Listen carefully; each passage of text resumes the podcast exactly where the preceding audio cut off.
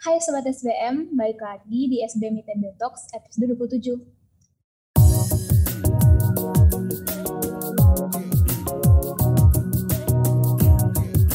Nah, di episode kali ini bakal ditemanin bareng aku Andina dari Manajemen 2021. Dan kita bakal diskusi topik yang menarik yaitu gimana caranya generasi Z untuk membuat suatu konten yang menarik dan berdampak positif bagi sekitar di sosial media. Oleh karena itu, kita sudah mengundang dua speaker menarik, yaitu dari mahasiswa dan alumni SBM ITB, ada Fatima Zahra dan Fioni Giovanni. Halo Fioni sama Fatma. Nah, sekarang tuh kan kita lagi mau bahas nih, mau diskusi tentang sosial media di generasi Z. Nah, pertama-tama nih sebelum kita diskusi ke arah itu, kalian kenalan dulu nih ke sobat-sobat SBM. Karena kan sesuai dengan peribahasa, tak kenal maka tak sayang. Boleh dari mulai dari Kak Fioni. Halo semua, Perkenalkan nama aku Fioni dari Manajemen 2020. Konsentrasi Manajemen of Innovation and Technology. Wih, lengkap banget ya. Widih. aku di sosial media biasa di Instagram at Fioni Giovanni dan baru ngerilis YouTube juga namanya Fioni Giovanni. Perkenalkan, nama aku Fatima Zahra, biasa dipanggil Fatma. Aku dari Kewirausahaan 2021. Nah, kalau kesibukan aku akhir-akhir ini tuh aku aktif di sosial media sebagai bisa dibilang sebagai video atau beauty creator lah ya.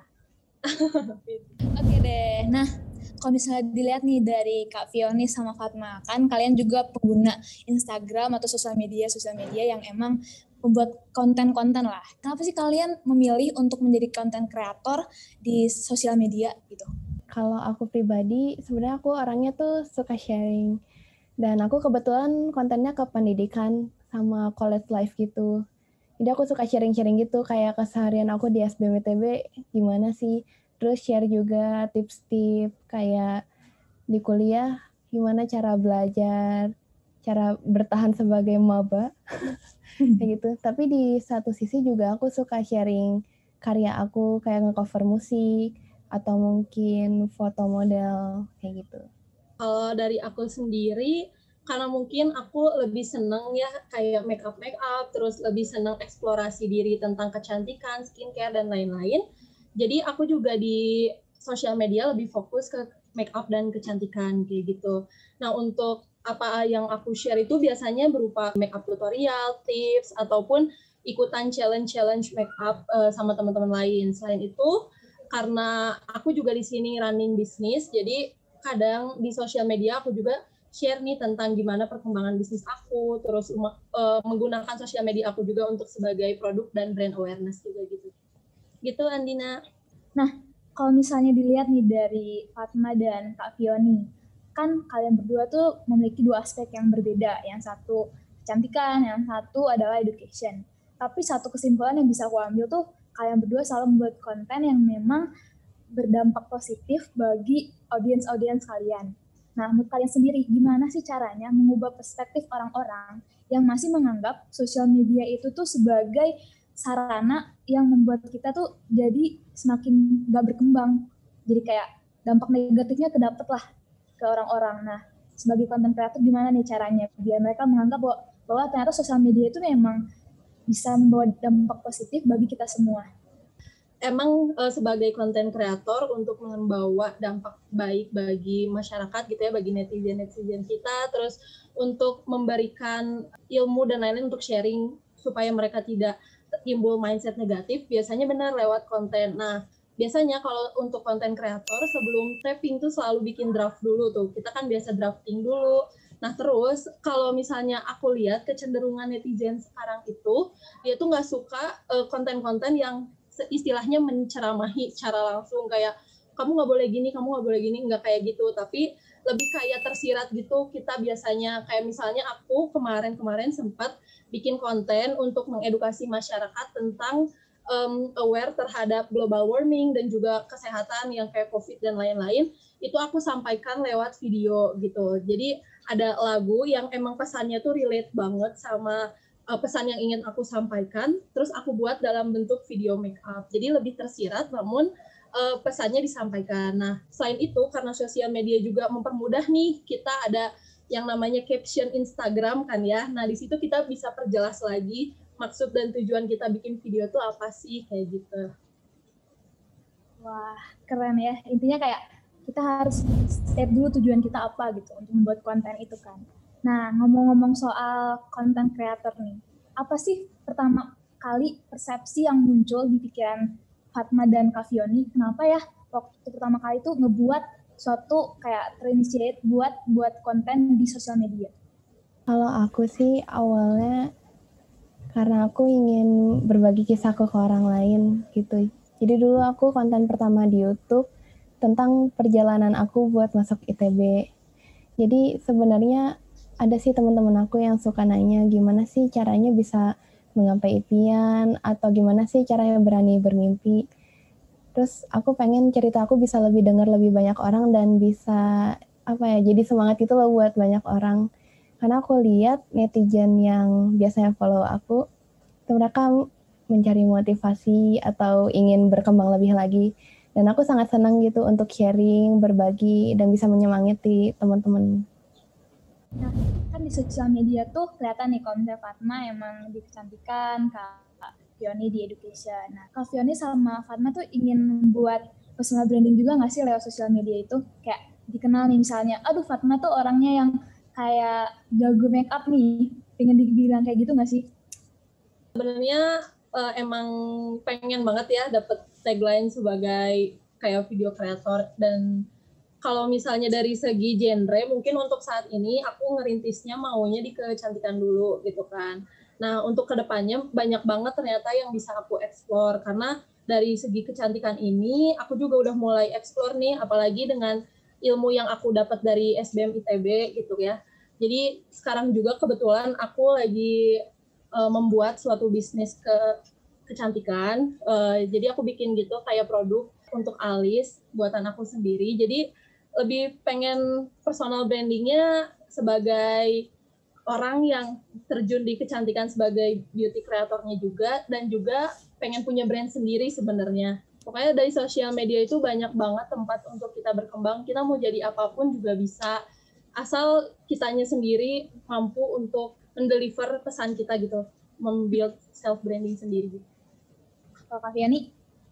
Personal branding aku ya. Sebenarnya sih selama ini personal branding aku itu mahasiswa biasa yang punya impian luar biasa Aku juga pengen gitu SBM ITB lebih dikenal luas di masyarakat. Ternyata banyak loh netizen yang kepo sama SBM ITB. Jadi aku biasa di konten nunjukin aku masih aktif organisasi, masih bisa perform dan berkarya. Jadi aku ingin memperkenalkan SBM ITB juga lebih luas gitu.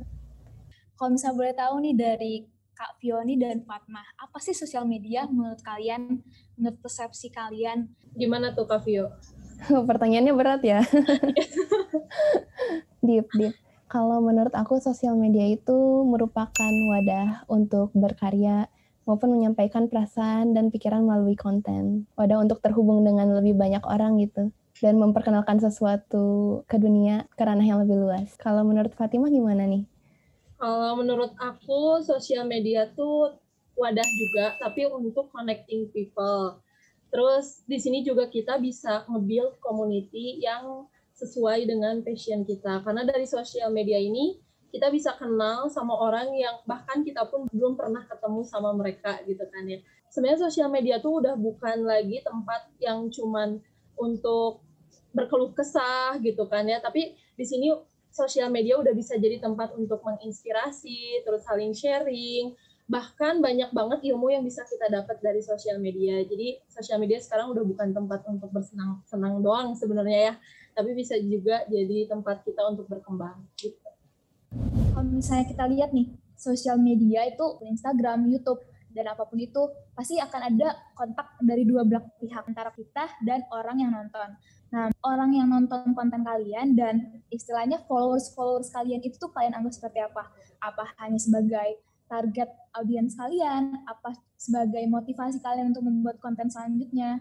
Boleh deh dari Fatma kalau dari aku teman-teman Instagram atau sosial media aku tuh aku anggap sebagai teman yang satu frekuensi sebenarnya. Jadi aku menganggapnya sebagai sahabat di mana setiap apa yang aku sharing tuh aku tidak bermaksud menggurui tapi emang untuk sharing dan untuk di kolom komentar atau sosial media aku itu terbuka banget untuk yang namanya diskusi atau mungkin ada yang mau ngasih kritik saran di kolom komentar itu aku sangat sangat sangat terbuka makanya sering banget aku kalau misalnya di nulis video itu tuh aku selalu minta feedback mereka kayak misalnya next mau konten apa lagi nih atau gimana nih pendapat kalian terhadap hal tersebut jadi ini tuh media yang bagus lah untuk aku uh, dan teman-teman yang lain untuk saling sharing kayak gitu.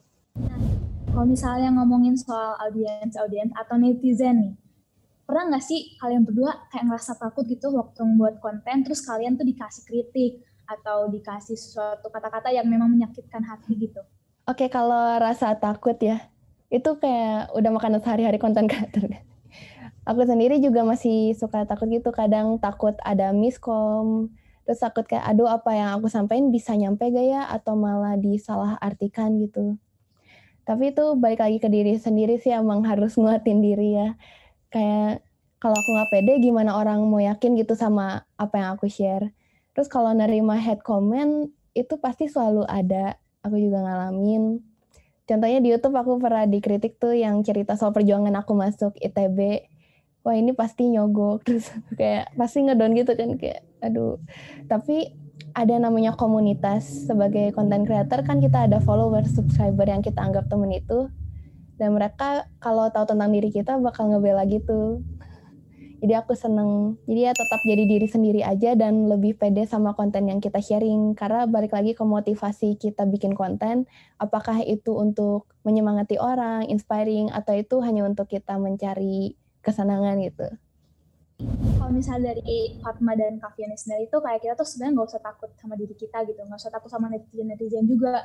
Karena balik lagi nih tujuan dari kita buat konten ini adalah memberikan dampak positif kepada teman-teman kita.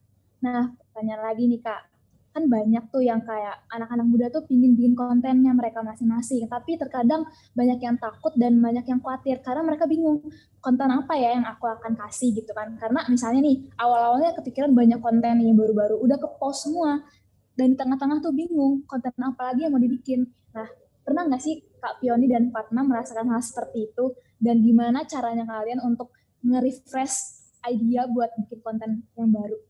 Pasti ada sih momen-momen tertentu di mana aku bingung udah ngestak gitu kayak aduh sharing apa lagi ya? Kayaknya yang aku pengen sharing udah deh. Nah tapi di sinilah aku tertantang untuk lebih kreatif gitu. Biasanya sih aku ngadain live ngobrol-ngobrol sama followers aku. Terus dari mereka cerita-cerita kadang ada yang request konten juga tuh itu bisa jadi inspirasi. Bahkan dari ngobrol-ngobrol juga aku bisa terinspirasi untuk bikin konten selanjutnya atau mungkin kadang aku taruh question box di story aku nanyain kalian mau konten yang kayak gimana sih? Atau mungkin aku nanya apa sih yang kalian suka dari konten-konten aku? Nah dari situ aku bisa terinspirasi untuk mengembangkan konten selanjutnya. Nah kalau aku sendiri kalau misalnya lagi stuck nih bikin konten apa nah biasanya aku cari-cari inspirasi kayak ngeliat di timeline atau mungkin ngeliat di YouTube atau di platform lain atau mungkin sekarang tuh orang-orang malah makin kreatif banget ya dengan kayak adanya TikTok, challenge-challenge, dan lain-lain. Nah, terus juga kayak misalnya kita bisa lihat nih apa yang dekat dengan kita, mungkin bisa jadi kayak event kemarin new normal, terus kayak bikin ah make up new normal atau enggak misalnya yang deket-deket aja kayak hari kemerdekaan mengingat yang kayak gitu-gitu. Nah, selain itu juga bisa nih dengan ada yang komunitas tadi, malah bisa jadi bikin kolaborasi sama orang lain gitu ya, kayak bikin konten bareng, terus uh, bisa juga kayak ikutan campaign-campaign yang lagi rame, kayak gitu-gitu sih. Selain itu juga benar tadi bisa juga memanfaatkan fitur-fitur kayak question box, live, dan lain-lain. Pokoknya di sini sebisa mungkin kita tuh membuild komunikasi dengan teman-teman kita, sobat-sobat kita, para netizen, dan juga bisa juga sama teman-teman kreator lainnya gitu ada satu lagi nih keresahan dari sobat-sobat SBM dan aku juga nih waktu nge mau ngebuat suatu konten. Banyak yang nanya kayak gimana sih cara bikin konten? Apakah harus yang punya HP bagus? Apa harus yang punya kamera bagus atau punya yang alat-alat yang bagus gitu untuk membuat konten? Atau cuma sekedar ya HP juga bisa gitu? Menurut kalian gimana? Aku selama ini di Instagram pakai HP sih. Terus ada aplikasi edit foto juga biar apa ya colornya lebih bagus gitu, lebih menarik. Nah kalau YouTube sendiri, aku awalnya galau sih. Eh, aduh kayaknya jadi YouTube modalnya gede deh. Tapi aku pakai kamera dulu akhirnya sampai saat ini. Tapi paling aku beli mic. Nah mic itu aku cari-cari gitu. Yang kualitasnya oke okay, tapi harganya masih affordable yang mana sih? Nah baru nanti tambah lama bakal aku upgrade gitu. Karena menurut aku yang paling penting itu kontennya. Nah, kalau misalnya dari penuturan Pavioni sendiri tuh bisa kayak terlihat gitu ya. Kita tuh nggak perlu takut untuk kayak ah apakah aku harus menyiapin modal gede untuk membuat suatu konten. Yang penting kita menyiapkan dulu konten yang emang dibutuhkan oleh teman-teman kita, dibutuhkan sama oleh followers-followers kita dan bermanfaat juga buat mereka. Nah, ada lagi nih, kan kayak aku tuh punya teman nih, punya teman dan itu sobat SDM juga. Dia itu pernah seperti kalian buat konten gitu, tapi suatu waktu dia, dia jadi takut untuk membuat konten di sosial media. Karena sosial media kan pasti berhubungan dengan privacy kita kan. Bagaimana sih caranya kita untuk tetap menjaga privacy kita? Antara private and public life itu emang kita sendiri yang kontrol. Karena ketika kita udah mencet post artinya kita tuh udah siap dengan segala resiko yang akan datang setelah video tersebut atau konten tersebut di launch gitu kan. Tapi kalau misalnya dari segi yang takut dihack segala macam, mungkin itu uncontrol yang emang kita nggak bisa kontrol gitu kan. Paling disiasatinya dengan dengan fitur-fitur di Instagram tuh sebenarnya banyak untuk yang melindungi akun kita dari hack. Kalau misalnya dari segi yang tadi public dan private life ya kalau aku sih kalau misalnya sekiranya akan menimbulkan komentar atau atau mungkin respon yang negatif lebih baik untuk tidak di post gitu karena kita nggak tahu uh, apa apa dampak yang lebih besar jika hal tersebut sampai dipublish. Karena waktu itu pernah kejadian nih Andina. Sebenarnya uh, dan ini tuh sampai rame banget nih aku mau cerita dikit boleh ya? Nah jadi waktu itu sempat waktu lebaran nih ya lagi ada acara di rumah. Nah terus ternyata uh, kita tuh nitip dagingnya ke saudara. Nah setelah kita terima tiga kilo di antaranya ada daging yang mencurigakan. Terus ketika dicek bentuknya tuh kayak lembaran gitu dan kita tuh takutnya itu tuh daging uh, babi gitu kan. Nah di situ uh, juga nanya-nanya ke orang-orang ini tuh beneran ini enggak sih gitu kan. Nah terus ternyata temen aku nge-share foto tersebut dan jadinya tuh tiba-tiba diambil fotonya sama info Bandung Raya gitu. Terus jadinya rame banget sampai ke dinas uh, perhubungan dan dinas pangan gitu pokoknya sampai rame banget. Aku tuh takutnya ketika orang-orang menganggap itu tersebar di pasaran takutnya tuh orang-orang tuh jadi tidak mau mengkonsumsi dagingnya dan ujung-ujungnya malah jadi ngerusak pasar. Apalagi itu kan momennya lagi lebaran gitu kan menimbulkan keresahan di masyarakat. Makanya di situ benar-benar sampai akhirnya penyelesaiannya tuh teman aku yang ngepost itu didampingi sama aku bikin kayak klarifikasi gitu melalui info Bandung Raya. Dan minta juga ke adminnya untuk kalau mau repost coba informasinya harus lengkap. Kalau emang nggak bisa coba di take down aja. Jadi ya itu sih lumayan kaget juga ya ternyata sosial media tuh sangat powerful. Dampaknya tuh sebesar itu gitu. Ramai banget ceritanya sampai ke info Bandung Raya Hmm. Emang sih sosial media itu bener-bener menghubungkan kita yang jauh gitu, jadi dekat. Gimana sih buat uh, Kak Fioni sama Fatma nemuin frekuensinya, kayak nemuin passionnya gitu untuk membuat konten kayak misalnya kan kalau Fatma sendiri kecantikan nih, kalau misalnya Kak Fioni education nih, gimana caranya tiba-tiba kayak oh iya aku ahli di bidang ini nih. Nah boleh nih Kak bagi tipsnya ke sobat-sobat SBM kalau aku itu proses sih untuk menemukan aku ternyata kontennya cocoknya education nih. Aku dulu campur aduk banget kayak foto model iya, kecantikan iya, musik iya, soft development iya. Tapi makin ke sini aku lihat kalau misalnya aku live atau Q&A gitu, banyak orang yang lebih tertarik nanyain tentang self development, tentang education, kehidupan kuliah. Dan lama-lama aku di Instagram jadi uploadnya soal itu sih banyak walaupun sekali-sekali masih random biar nggak bosan gitu nggak serius-serius banget. Kalau di YouTube emang aku fokusin ke education sih. Karena aku rasa kalau YouTube emang harus lebih spesifik gitu. Kalau Instagram lebih kayak personal life kehidupan sehari-hari masih oke okay buat di sharing kalau aku sendiri preferensinya mungkin untuk saat ini masih di yang dunia kecantikan dan make up. Cuman uh, ya gitu bener tadi karena mungkin kalau di Instagram tuh kita bisa ketemu semua orang dengan latar belakang berbeda dan mungkin supaya kita bisa relate ke banyak teman-teman gitu ya.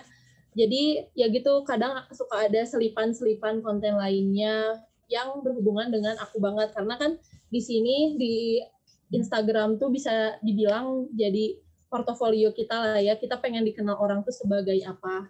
Nah, di sini juga kadang aku nunjukin daily life aku sebagai mahasiswa mungkin atau sebagai orang yang bergelut di bisnis dan di kecantikan. Jadi mungkin untuk saat ini eh, konten aku masih seputar kecantikan di perkuliahan sebagai mahasiswa terus di bisnis kayak gitu. Boleh nggak sih buat Kak Fioni sama Fatma kasih tips and trick yang simpel nih buat sobat atau sobat SBM biar mau untuk memulai kayak menggunakan sosial media tuh menjadi ajang untuk mengembangkan diri dan mengembangkan teman-teman sekitar. Tips dari aku ya just do it sih. Karena mungkin kita banyak ide, kepikiran, ih kayaknya kalau bikin ini oke okay deh. Kayak kalau bikin itu bisa menginspirasi orang. Tapi nggak pernah mulai kan sama aja. Soalnya dulu aku gitu, aku selama kuliah tuh udah kepikiran nih mau bikin YouTube. Kayaknya rame deh kalau aku bikin vlog kuliah di SBM dan lain-lain tapi akhirnya itu nggak pernah terrealisasi karena dari akunya nggak mulai gitu. Jadi tipsnya adalah memulai, terus kedua terus aja berkarya. Balik lagi ke motivasi, kita berkarya untuk membawa positivitas, membawa inspirasi, motivasi gitu. Itu dari aku. Kalau dari aku tipsnya itu find what you love. Jadi kayak coba temuin apa yang sekiranya kamu nyaman melakukan hal tersebut. Terus yang serasa kamu tuh punya basic di bidang tersebut gitu. Jadi ketika kita akan menyampaikan konten tersebut, kita bisa melakukan hal tersebut dengan maksimal. Benar tadi kata Kak Vio, kalau misalnya kita sudah mulai, itu tuh nanti bakal nge-build diri kita sendiri untuk melakukan yang lebih baik, lebih baik. Dan nanti ujung-ujungnya bisa jadi, kalau di SBM itu disebutnya jadi apa ya, konsep ikigai nggak sih Kak? Wih. Yang dari apa yang kita suka, jadi passion, terus lama-lama jadi uh, profession gitu. Yeah. Jadi just do it bener. Oke deh. Nah, kalau misalnya Sobat SBM, apa yang bisa aku simpulin dari diskusi kita hari ini itu adalah pertama, just do it. Jadi apa pun yang mau kita sharekan ke teman-teman kita, kita lakukan aja, kita mulai. Jangan kayak menunda-nunda, karena hal itu nggak akan pernah bikin kita menjadi seorang konten kreator. Dan yang kedua adalah lakukan yang emang kita bisa dan kita sukai. Karena kalau kita lakukan yang apa yang kita suka, yang kita bisa, pasti kita akan enjoy dan hasil yang kita berikan kepada teman-teman juga pasti akan memuaskan. Bener banget dan banyak banget insight yang didapatkan dari Fatma dan Kak Fioni untuk sobat-sobat SBM biar termotivasi untuk menjadi konten kreator dan menginspirasi banyak orang. Terima kasih buat Fatma dan Kak Fioni buat mau diskusi ini di sore hari yang cerah ini. Thank you banget Kak Fioni dan Fatma. Oke Sobat SBM, episode 27 kali ini harus berakhir. Tapi jangan khawatir karena kita bakal ada lagi di episode-episode lainnya. Dan jangan lupa untuk mengklik tombol like dan subscribe di akun YouTube channelnya SBM ITB dan memfollow akun Spotify-nya SBM ITB dan men-share video ini ke teman-teman kalian. Sampai jumpa di episode selanjutnya. Bye-bye. SBM ITB for the greater good.